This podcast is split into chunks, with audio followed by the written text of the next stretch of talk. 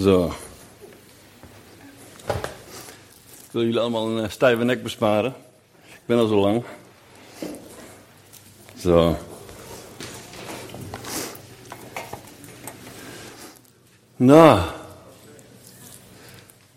Daar zijn we dan.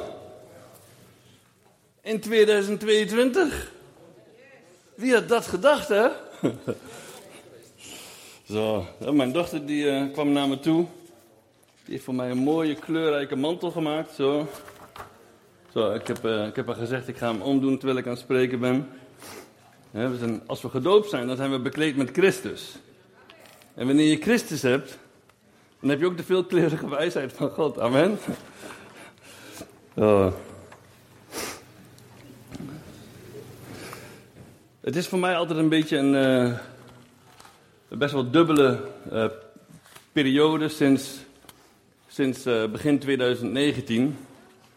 Toen is een, een hele goede vriend van mij, Henk Kempers, echt een evangelist in hart en nieren, waar ik echt jaren mee opgetrokken heb in Nederland, in Hengelo Overijssel waar ik heb gewoond. maar ook in de periode in, in Curaçao. Hij woonde toen ook in Curaçao. We hebben echt eh, heel wat jaren met elkaar opgetrokken en heel veel steun aan elkaar gehad. En, nou, hij was, ik, heb, ik heb misschien meer steun. Nou, nee, we hebben beide steun aan elkaar gehad, maar ik heb echt gigantisch veel van hem geleerd. Hij, uh, hij had geen aan- en uitknop als evangelist. Hij zei niet van, ja, op die en die dag, dan ga ik evangeliseren. En uh, tussen die en die tijd, nee joh. hij was echt een evangelist in hart en nieren. Hij, dat, dat knopje kon hij niet uitzetten. Als hij naar de supermarkt ging, was hij altijd aan het scannen. Als hij op straat liep, was hij altijd aan het scannen. Wanneer hij een terrasje pakte, dacht hij niet van, oh, even ik-tijd. Nee joh, zat hij altijd te scannen. Dat, dat, hij kon dat niet uitzetten. Hij is daarin echt een voorbeeld voor mij geweest. En hij eh, sprak mensen gewoon onverwacht uit het niet op een terrasje, in de supermarkt, op straat, waar hij ook ging. Hij wist altijd wel mensen eruit te pikken van, hé, hey, die moet ik aanspreken. En dan had hij een profetisch woord, of een woord van inzicht, of uh, uh, hij voor genezing. En ik heb bij hem er zoveel wonderen gebeurd. En hij, hij, was niet de makkelijkste persoon om, uh, om mee om te gaan. Daar kunnen heel veel mensen mij echt wel mee beamen. Maar je kon gewoon niet ontkennen dat God door hem heen werkte, dat God hem machtig gebruikte. En hij was iemand die echt um, in, voor zijn bekering een, eh, een heroïne-junk was. Um, echt uitgekotst door de maatschappij. En hij, was, uh, hij had geen opleiding gedaan. Uh, was echt een ongeleerd iemand. en weet je hoe bijzonder het is? Als hij een, een, een visie had, of een plan had, of een idee had, dan dacht hij niet aan van, oh dat kan niet. Of, oh, ik heb niet geleerd. Oh, ik heb geen school gedaan. Uiteindelijk heeft hij um, um, de eerste christelijke verslavingskliniek in Enschede heeft hij gesticht. Met, in samenwerking met, uh, uh, met de Hoop in Dordrecht is dat toen uh, van de grond afgekomen. Later is dat overgenomen door Terwille. Um, maar iedereen die hem kende, die wist gewoon van, ja, weet je, als, er, als ik één ding van hem heb geleerd, is dat je nooit moet denk, denken, weet je, wanneer je soms een grote droom hebt of, of een bepaald verlangen waarvan je denkt van, wauw, dat lijkt me echt gaaf. Weet je hoe Henk was? Wauw, dat lijkt me echt gaaf. Ga ik doen. Weet je, God is degene die het willen en het werken in ons hart bewerkt. En hij is, de, hij is de dromengever. Hij geeft jou dromen. En wanneer we die dromen ontvangen, dan mogen we, mogen we daar ook in uitstappen. En ik zeg niet dat het altijd makkelijk gaat, hè, want um, het, is echt een proces van heel wat jaren geweest. Van die droom van een verslavingskliniek, een christelijke verslavingskliniek, naar het verwerkelijken van die verslavingskliniek. Daar is jaren overheen gegaan en heel veel gebed. Maar het is wel gebeurd. en eh, wat dat betreft, hij is echt een voorbeeld voor mij geweest. Ik heb ontzettend veel van hem geleerd. En in, uh, in 2018, hè, een paar maanden voordat hij overleed, toen ik die grote operatie had gehad. En ik was toen echt nog, uh, nog maar net van, um, um, van de intensive care af. En nou ja, ik, ik, ik, ik, ik was echt kapot. Ik kon ook nog niet zo goed met mensen communiceren en even leuk babbelen, zeg maar. Daar had ik echt de energie nog niet voor. En, en hij moest per se komen. En hij heeft er de hele ochtend, echt, ik denk in totaal misschien wel vijf, zes uur, heeft hij gewoon alleen maar naast mij gezeten. Weet je, en, en dat was goed. Weet je, dat doe je als je vrienden bent. Dat doe je als je broer en broers van elkaar bent. En op 1 januari, dus op, op, Audi, op nieuwjaarsdag, op nieuwjaarsnacht, 1 minuut over 12, 2 minuten over 12, is hij dus overleden door een, uh, een buurman. Die had uh, allemaal illegaal vuurwerk in een uh, aanhanger voor het huis. En dat is, daar is vuur bij gekomen. En Henk was, was in de buurt. En er was een gigantische explosie. En Henk Kempers is, was toen op slag dood. En nou, Henk was sowieso altijd wel een beetje een, uh, een uh, apart iemand. Uh, hij kon ook heel impulsief zijn. Maar het bijzondere van, van op, op die manier heen gaan. In diverse landelijke kranten heeft zijn getuigenis uitgebreid gestaan. En hij was voor, met dat oud nieuw was hij één van de twee vuurwerk doden. En, ja, ik, ik, uh, ik heb daar de afgelopen dagen wel weer even bij stilgestaan. Ik heb ook nog even geappt, want hij heeft natuurlijk een vrouw en twee zoons um, achtergelaten. Twee jonge zoons nog toen het gebeurde, nog door jonge tieners. Het is niet echt de, de, makkelijkste leeftijd om je, om je vader te verliezen. En ook nu gaan ze weer even door een moeilijke periode. Maar uh, ja. Eigenlijk zou vanmorgen ook een uh, pleegzoon van mij. Uit Curaçao zou hier ook eigenlijk zijn. Maar het gezin, met wie die is meegereisd. Uit Curaçao. Die hebben, ja, kort, kort nadat ze geland zijn in Nederland. Hebben ze gelijk al corona opgepikt. Dus uh, zit ze tien dagen in quarantaine. Waardoor hij niet oud en nieuw bij ons heeft kunnen vieren. Maar ze hebben de terugvluchtticket gaan ze proberen uit te stellen. Dus ik hoop hem volgende week te kunnen meenemen. Oh nee, ik kan niet hier, want ik moet volgende week ergens anders spreken. Maar, wat jammer zeg. Maar uh, nou, ik had hem heel graag hier gewoon ook nog eventjes voorgesteld aan jullie. Daniel was een van onze, uh, een van onze vier pleegkinderen. Volwassen man nu hoor, echt uh, leuke jongen. Um, Vanmorgen wil ik het met jullie hebben. En weet je, de titel was eigenlijk een beetje een titel waarmee je allerlei kanten op zou kunnen gaan. En misschien wel een beetje clickbait geweest om mensen een beetje te triggeren, een beetje aan het denken te zetten van, hè, wat bedoelt hij daar nou mee? Want uh, het titel was, het aangename jaar komt. En dat is toch echt wel een titel waarvan je denkt van, ja maar wacht even. Mijn vrouw die zei dat als eerste toen ze dat las. Zei ze van, hoe bedoel je dat? Er is helemaal niks aangenaam aan het jaar wat komt. Dus er is momenteel best wel veel gaande in de wereld, toch? En ik zei van, ja, ik zeg, dat klopt. Maar het aangename jaar, dat is iets anders dan dat je denkt dat het is. Het gaat niet per se specifiek over over dit jaar. En het gaat ook niet specifiek over iedereen. Weet je, het aangename jaar is eigenlijk 2000 jaar geleden al begonnen. En we hebben vanmorgen met het avondmaal, hebben wij het aangename jaar, hebben we aan gedacht, hebben we herdacht, hebben we Weet je, Gods woord zegt niet, zo dikwijls ga je dit doet. Weet je, dit is iets wat we heel vaak mogen doen, want met het avondmaal vieren we eigenlijk dat we het aangename jaar des Heren binnen zijn gegaan. Het aangename jaar is begonnen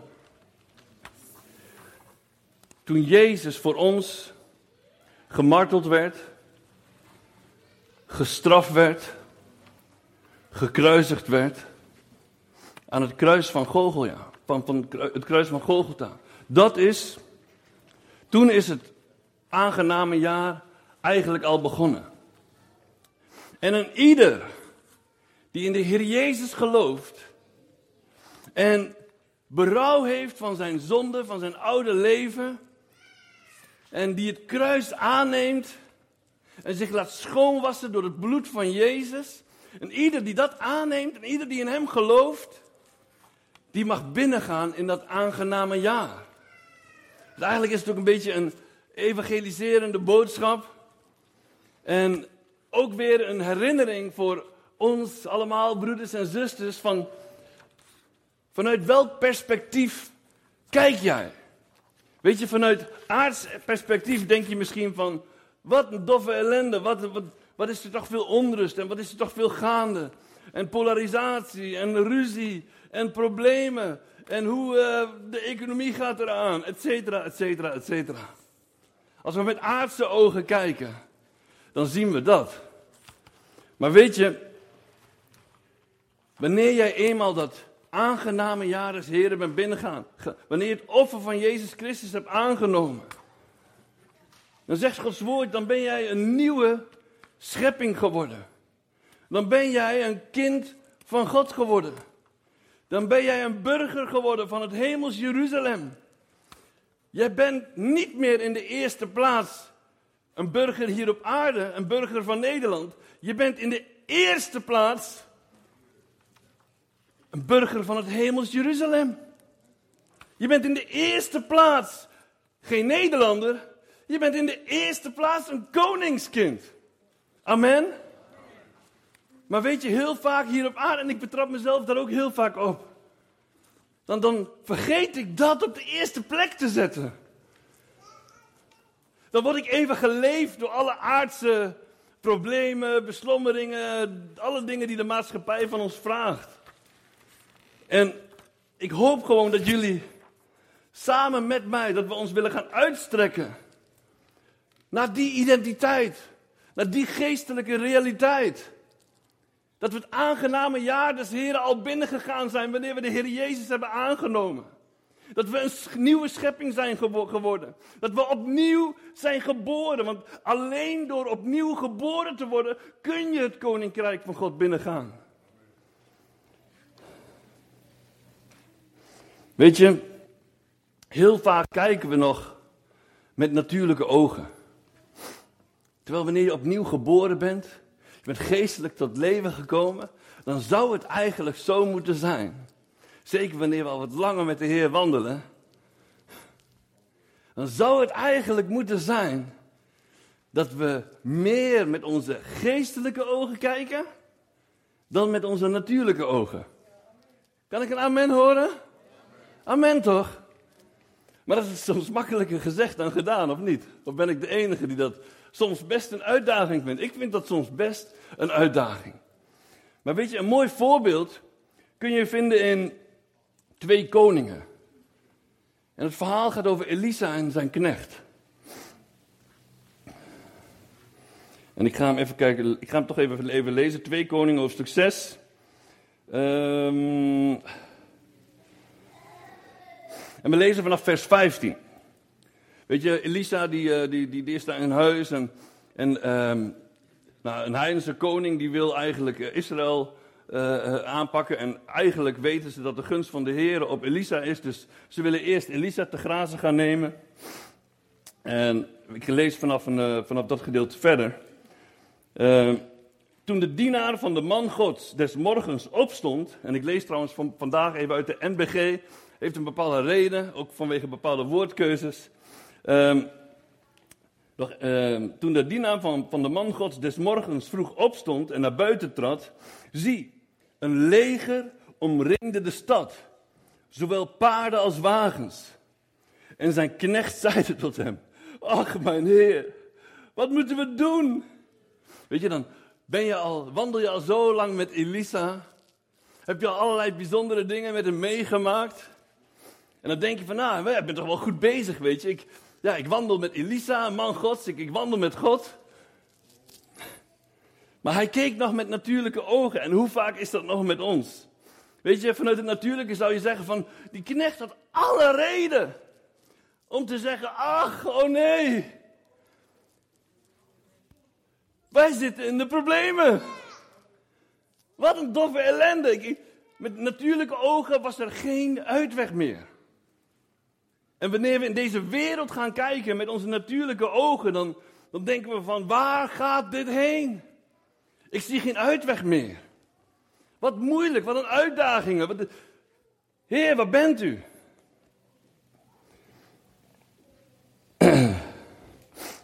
Ach, mijn Heer, wat moeten we doen?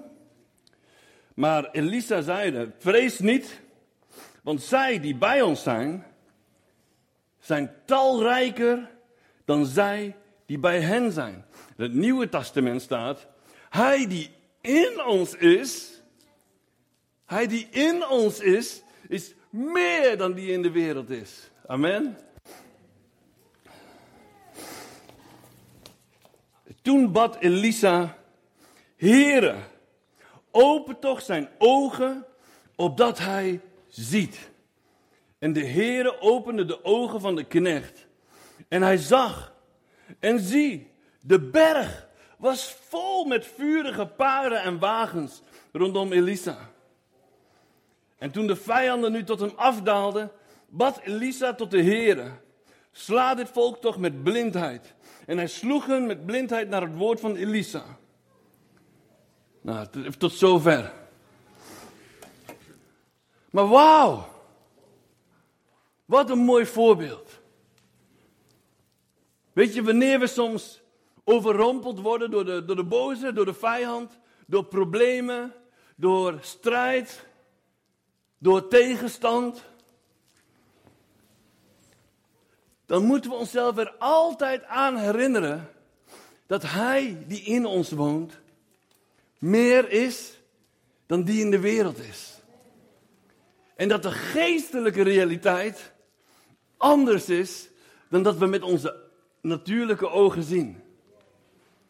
En zo wil God ook ons, ook in dit nieuwe jaar, wil Hij ons uitdagen om niet met natuurlijke ogen te kijken, maar met geestelijke ogen. En dan zul je zien, en ik geloof dat het niet alleen maar bij Elisa is, maar bij een ieder die opnieuw geboren is, en ieder die onderdeel is geworden van het koninkrijk van God. Want het aangename jaar was het jaar dat het koninkrijk van God gevestigd werd. Want dat was het jaar dat Jezus Christus gekroond werd, verhoogd werd aan het houten kruis. De boze is ontwapend. De zonde heeft geen macht meer over ons. En met de Heilige Geest en in de naam van Jezus hebben wij een autoriteit meegekregen. Waardoor wij ook kunnen zeggen. Waardoor wij ook in moeilijke situaties in de geest gewoon autoriteit mogen gaan leren nemen. In de Bijbel staat ook ergens dan van, ja, uh, gij hebt niet, want gij bidt niet, gij vraagt niet. Soms dan gaan we de problemen tegemoet en we, we vergeten gewoon om, om ervoor te bidden, om, om, om een autoriteit erover uit te spreken. Dat is niet wat God van ons vraagt. Weet je, het koninkrijk van God binnengaan. Het aangename ja van God binnengaan. Betekent niet dat automatisch alles op deze aarde helemaal honky-dory wordt. Roze, roze geur en maneschijn. Nee, in tegendeel. Maar het geeft jou wel een geestelijk perspectief. Zodat jij niet meer gebukt gaat onder angst en onder zorgen. Onder pijn en onder moeite. Want de Heer wil jouw kracht zijn. De Heer wil jouw leidsman zijn. De Heer wil jouw herder zijn. Hij wil jouw vader zijn. Weet je, het is niet voor niks dat in Gods woord wij er meerdere malen aan herinnerd worden dat we ons geen zorgen hoeven te maken. Even kijken, sorry, ik maak even een sprongetje. We gaan even naar Matthäus hoofdstuk 6, vers 25 tot en met 34. Ja, de, de, de volgende van de preek, zoals ik het op papier uh, heb staan, gaat helemaal overhoop. Sorry jongens. Matthäus hoofdstuk 6, vers 25 tot en met 34. En bij de MBG staat er boven dat stukje bezorgdheid. Daarom zeg ik u, wees niet bezorgd over uw leven. Wat gij zult eten of drinken. Of over uw lichaam. Waarmee gij u het, zult kleden.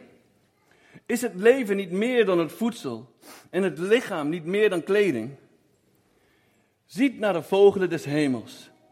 Ze zaaien niet en maaien niet en brengen niet bijeen in schuren.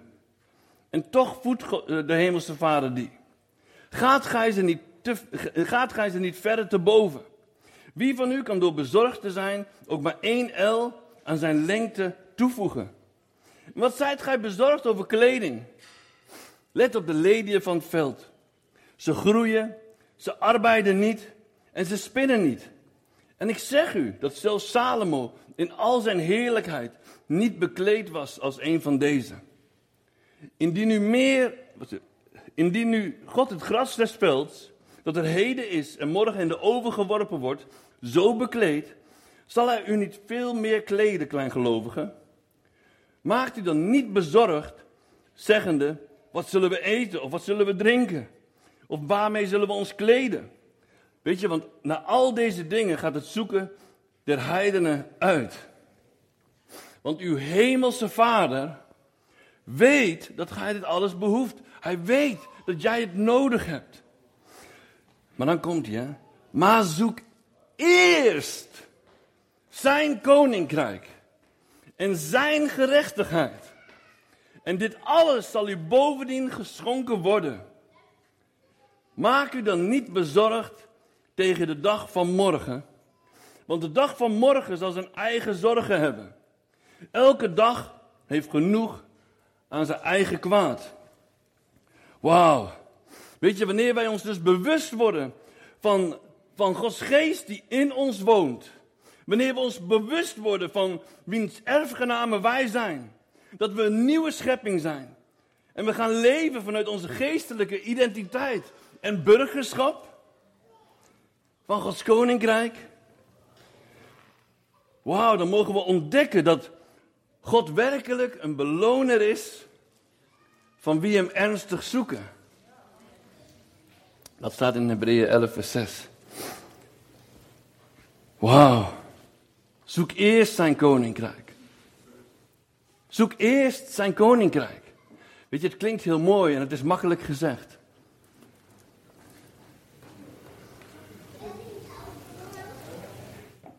Maar heel vaak leven wij toch anders. Ik wil jullie vragen, kijk heel eerlijk in je hart. Op een doordeweekse dag, wanneer je bezig bent met je werk, met je verplichtingen, met je gezin. Wat staat er bij jou op nummer 1? Wat zoek je het als eerste? Dan moet ik heel eerlijk zeggen, ik heb dagen dat ik echt in de glorie begin, maar ik heb ook dagen dat ik zwaar afgeleid word. En dat ja, andere dingen mijn aandacht vragen. Maar dat betekent niet dat Gods woord niet waar is. Weet je, ik wil mijn praktijkervaringen, mijn geloof, de standaard van mijn geloof, wil ik niet laten zijn mijn aardse praktijkervaringen. De standaard van mijn geloof wil ik laten zijn het woord van God. Het is heel makkelijk om onze, ons geloof aan te passen aan onze praktijkervaringen. Weet je, dan gaan we al heel snel zeggen, ja, ja, ja, God geneest gewoon, ja, niet altijd. Ja, ja, je weet niet of God wel, wel diegene wil genezen. Maar dan pas je jouw geloof aan aan jouw praktijkervaringen. Jullie weten, ik, ik worstel zelf met, met ziekte in mijn lichaam. Maar ik ben op een punt gekomen dat ik heb gezegd: Heer, ik wil mijn geloof niet aanpassen aan mijn praktijkervaringen, aan het aardse, aan het natuurlijke, maar ik blijf vasthouden aan mijn geloof dat God een geneesheer is. Dat God wil genezen. En dan komen we naar het Bijbelgedeelte waarop de titel van deze preek gebaseerd is. En we gaan naar Lucas. Lucas hoofdstuk 4.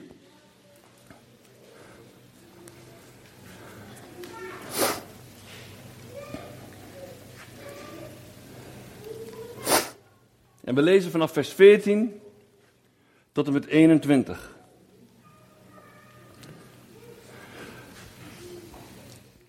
Wat hieraan vooraf gegaan is, dit is eigenlijk nog aan het begin van de bediening van de Heer Jezus. Hieraan vooraf gegaan was de Heer Jezus was gedoopt door Johannes de Doper in de Jordaan.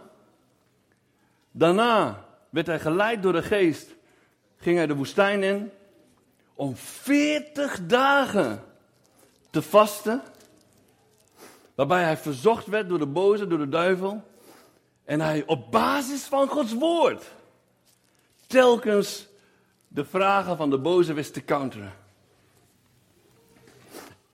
En nadat hij uit de woestijn komt, gebeurt dit. En de Heer Jezus, hij keerde in de kracht des geestes terug naar Galilea.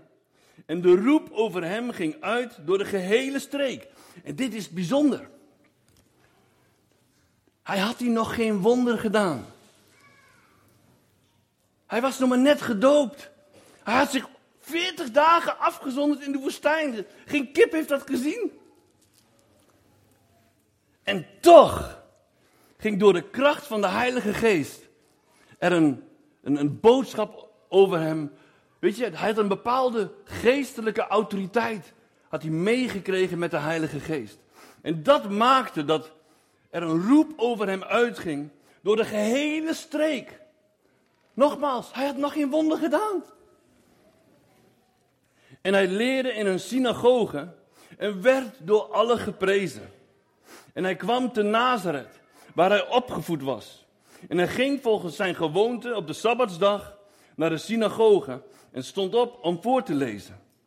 En hem werd het boek van de profeet Jesaja ter hand gesteld. En toen hij het boek geopend had, vond hij de plaats waar geschreven is: De geest des Heren is op mij. Daarom dat hij mij gezalfd heeft om aan armen het evangelie te brengen. En hij heeft mij gezonden om aan gevangenen loslating te verkondigen en aan blinden het gezicht. Om verbrokenen heen te zenden in vrijheid. Om te verkondigen het aangename jaar des Heren. Daarna sloot hij het boek, gaf hij aan de dienaar terug en hij ging zitten. En de ogen van allen in de synagoge waren op hem gericht. En hij begon hem te zeggen: Heden is dit schriftwoord voor uw oren vervuld. De Heer Jezus hechtte zoveel waarde. Het was echt het begin van zijn bediening. Eigenlijk al vanaf het moment dat hij de Heilige Geest ontvangen had, na zijn doop. De Heilige Geest die als een duif op hem neerdaalde. En door de kracht van de Geest werd hij geleid, geleid in, de, in de woestijn. Om daar 40 dagen te vasten. En verleidingen te weerstaan.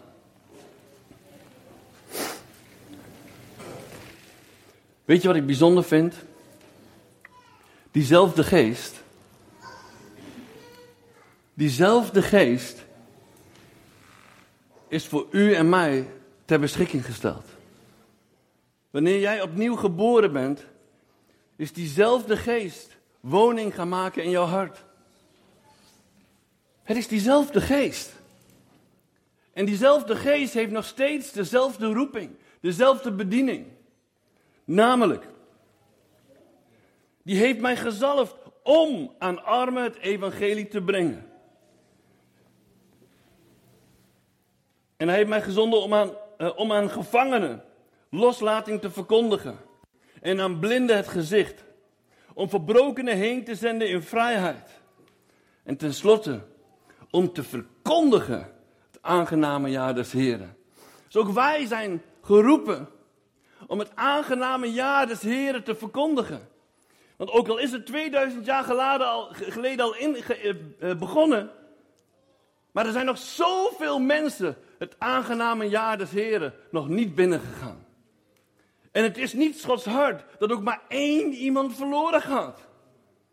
Wij, de kerk, wij, de gemeente, zijn geroepen om erop uit te gaan.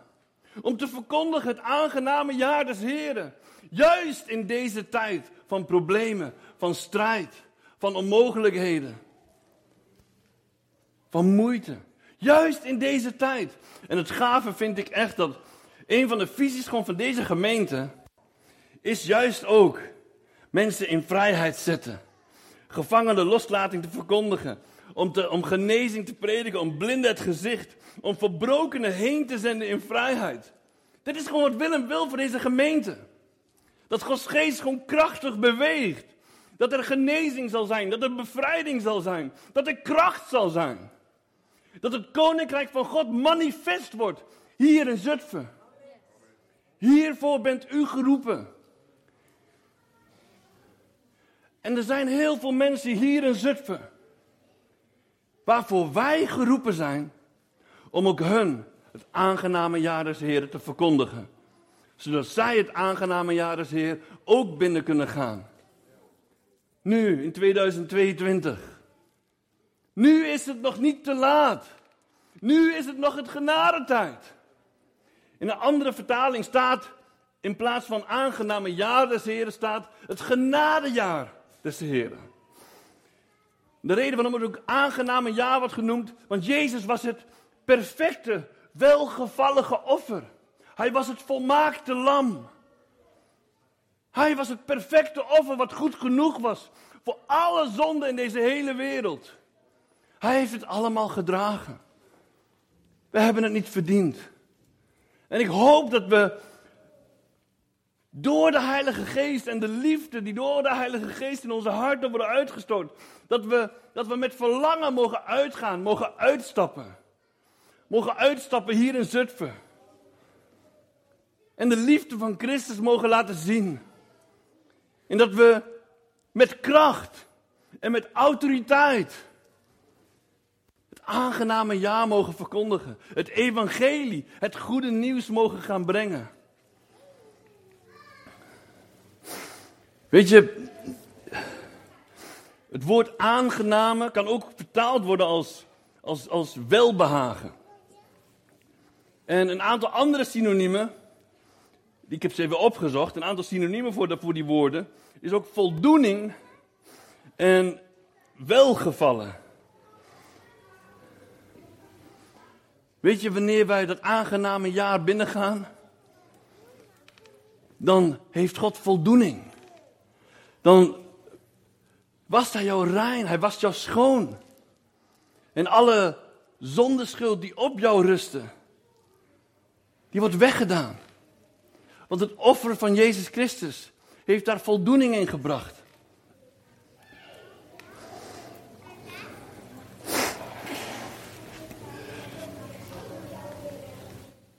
Ik lees nog eventjes Lucas 4, vers 42 tot en met 43.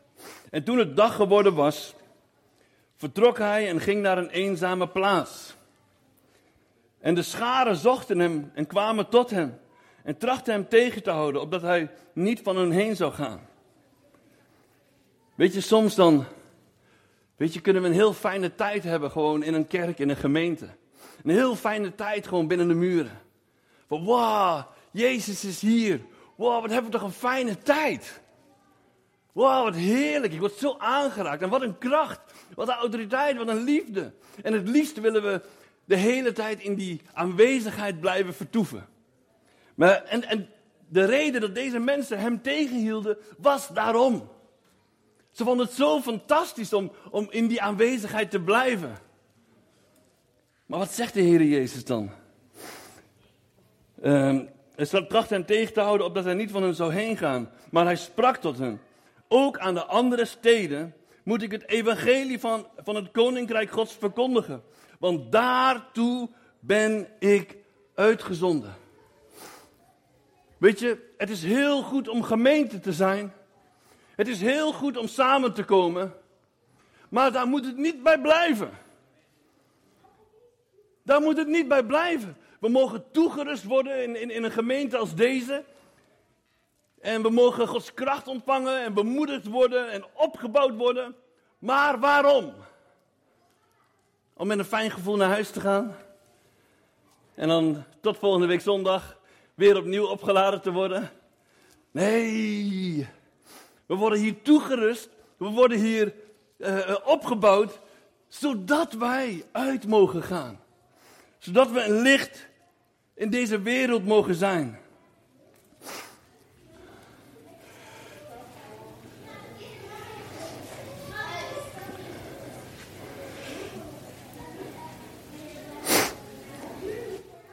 Weet je, ik heb het al gezegd, het aangename jaar is het begin van het koninkrijk.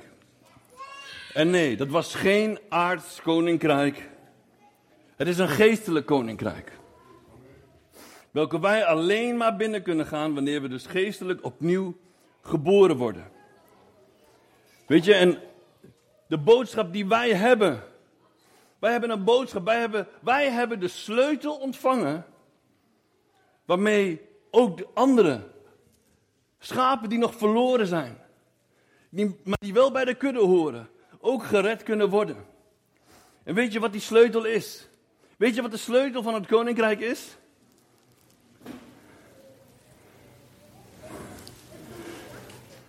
Het kruis.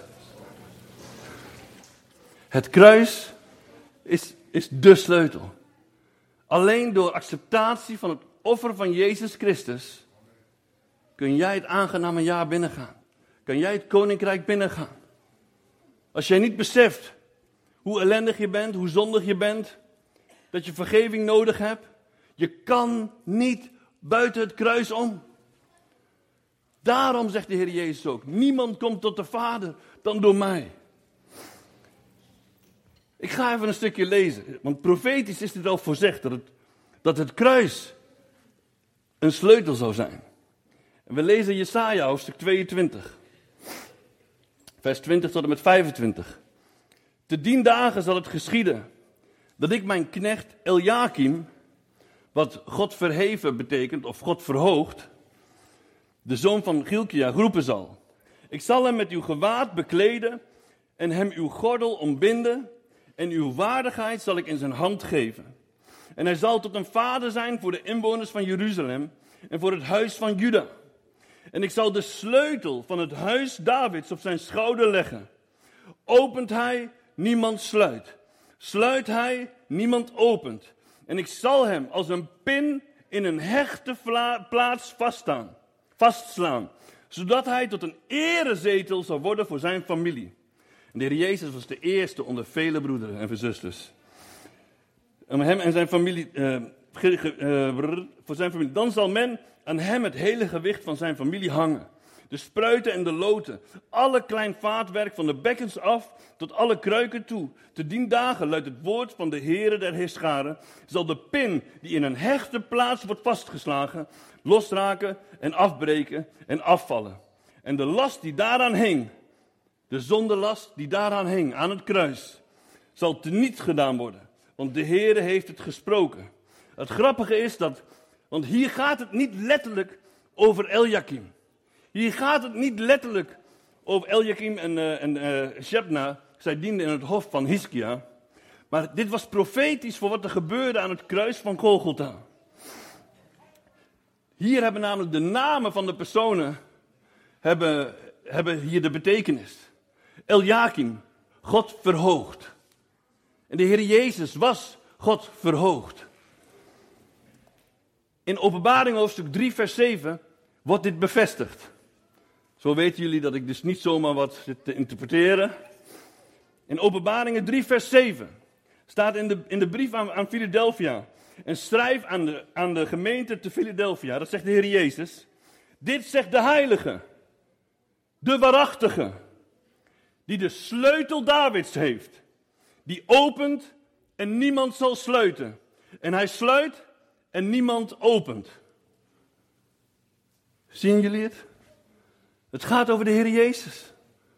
Het gaat over de kruisiging. De sleutel Davids die op de schouder werd gelegd, dat was het kruis. En wie heeft het kruis op zijn schouders gedragen? Onderweg naar Golgotha. Jezus. Zal ik je nog een leuk feit vertellen, wat mijn theorie bevestigt? Weet jullie hoe sleutels eruit zagen in die tijd? Want als wij een sleutel lezen, dan zien wij een klein metaal dingetje. Maar in die tijd, en ik heb hier even een stukje opgezocht, een archeologisch stukje. Een momentje. Um, de meest oude sleutel ooit gevonden is door een archeoloog, Jozef Bonomi. En dat was een sleutel van een paleis vlakbij Nineveh. Het verhaal van Nineveh en Jona kennen we. Um, die archeoloog Benomi heeft het beschreven. Heeft het, slot bekeken. En het zat in een, deur aan, uh, in een paleis uh, in Korsabat, in Mesopotamië. Um, en het was echt een zeer grote, dikke, massieve deur. En het was gesloten met een heel zwaar houten slot. En die werden in die tijd ook in Egypte gebruikt. De sleutel, die ook van, van hout was, was van zulke dimensies dat het gedragen moest worden op de schouder. De sleutel had de vorm van een houten balk. Want als je denkt, ja, toen ik dat voor de eerste keer las, ja, en de sleutel van Davids huis zal hem op de schouders gelegd worden. Weet je, um, ik weet niet hè, maar een sleutel op mijn schouder. Uh, ik, ik, ik, als je het met, met de huidige sleutels bekijkt, denk je, waarom op de schouder? Maar als je dit leest, dan weet je waarom daar staat. En de sleutel Davids wordt hem op de schouder gelegd. En wie heeft zijn eigen kruis gedragen op zijn schouder? Jezus. En wie bevestigt in openbaring dat hij diegene is? Jezus. Met die sleutel wil ik jullie zegenen. Dat je beseft welke vrijheid en welke boodschap je werkelijk hebt voor deze wereld. Dat wij uit mogen gaan. En dat wij net als Elisa, weet je, Elisa die keek met geestelijke ogen. Weet je, de vijand omsingelt ons en dan gaan we ons zorgen maken. Maar Gods woord zegt niet voor niks dat wij ons geen zorgen moeten maken. Want wij mogen weten dat vanuit de geestelijke realiteit Gods hemellegers bij ons zijn. En dat Hij ons niet verlaat, nog begeeft. Hij strijdt voor ons. Daar waar wij niet kunnen strijden, Hij strijdt voor ons. Hij pleit voor ons bij de Vader.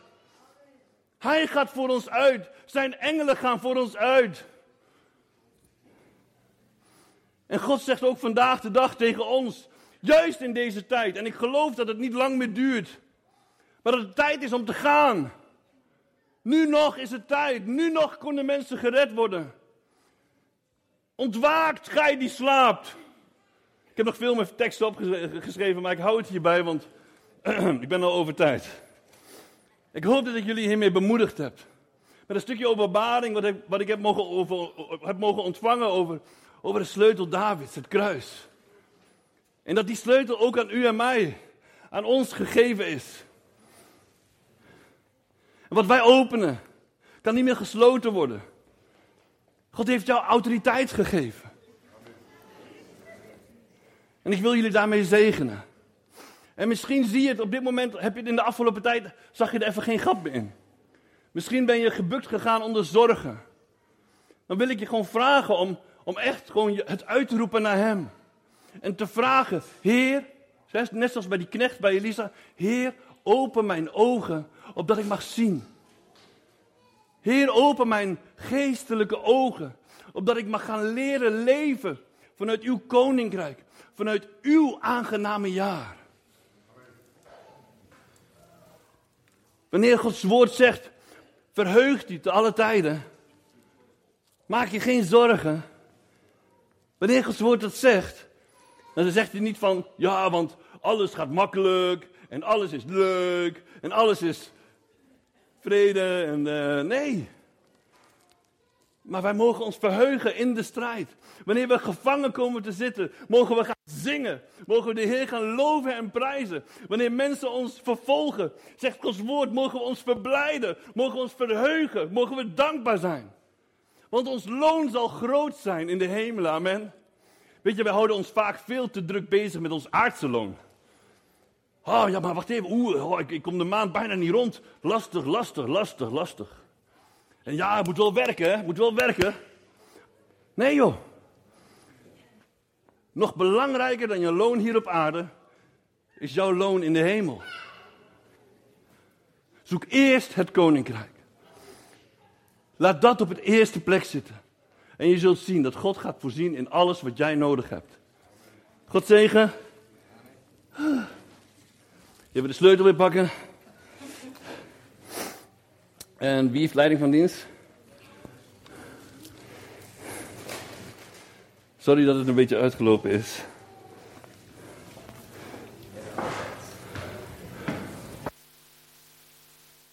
Ja, we zingen nog slotlied. Zo goed, Heer.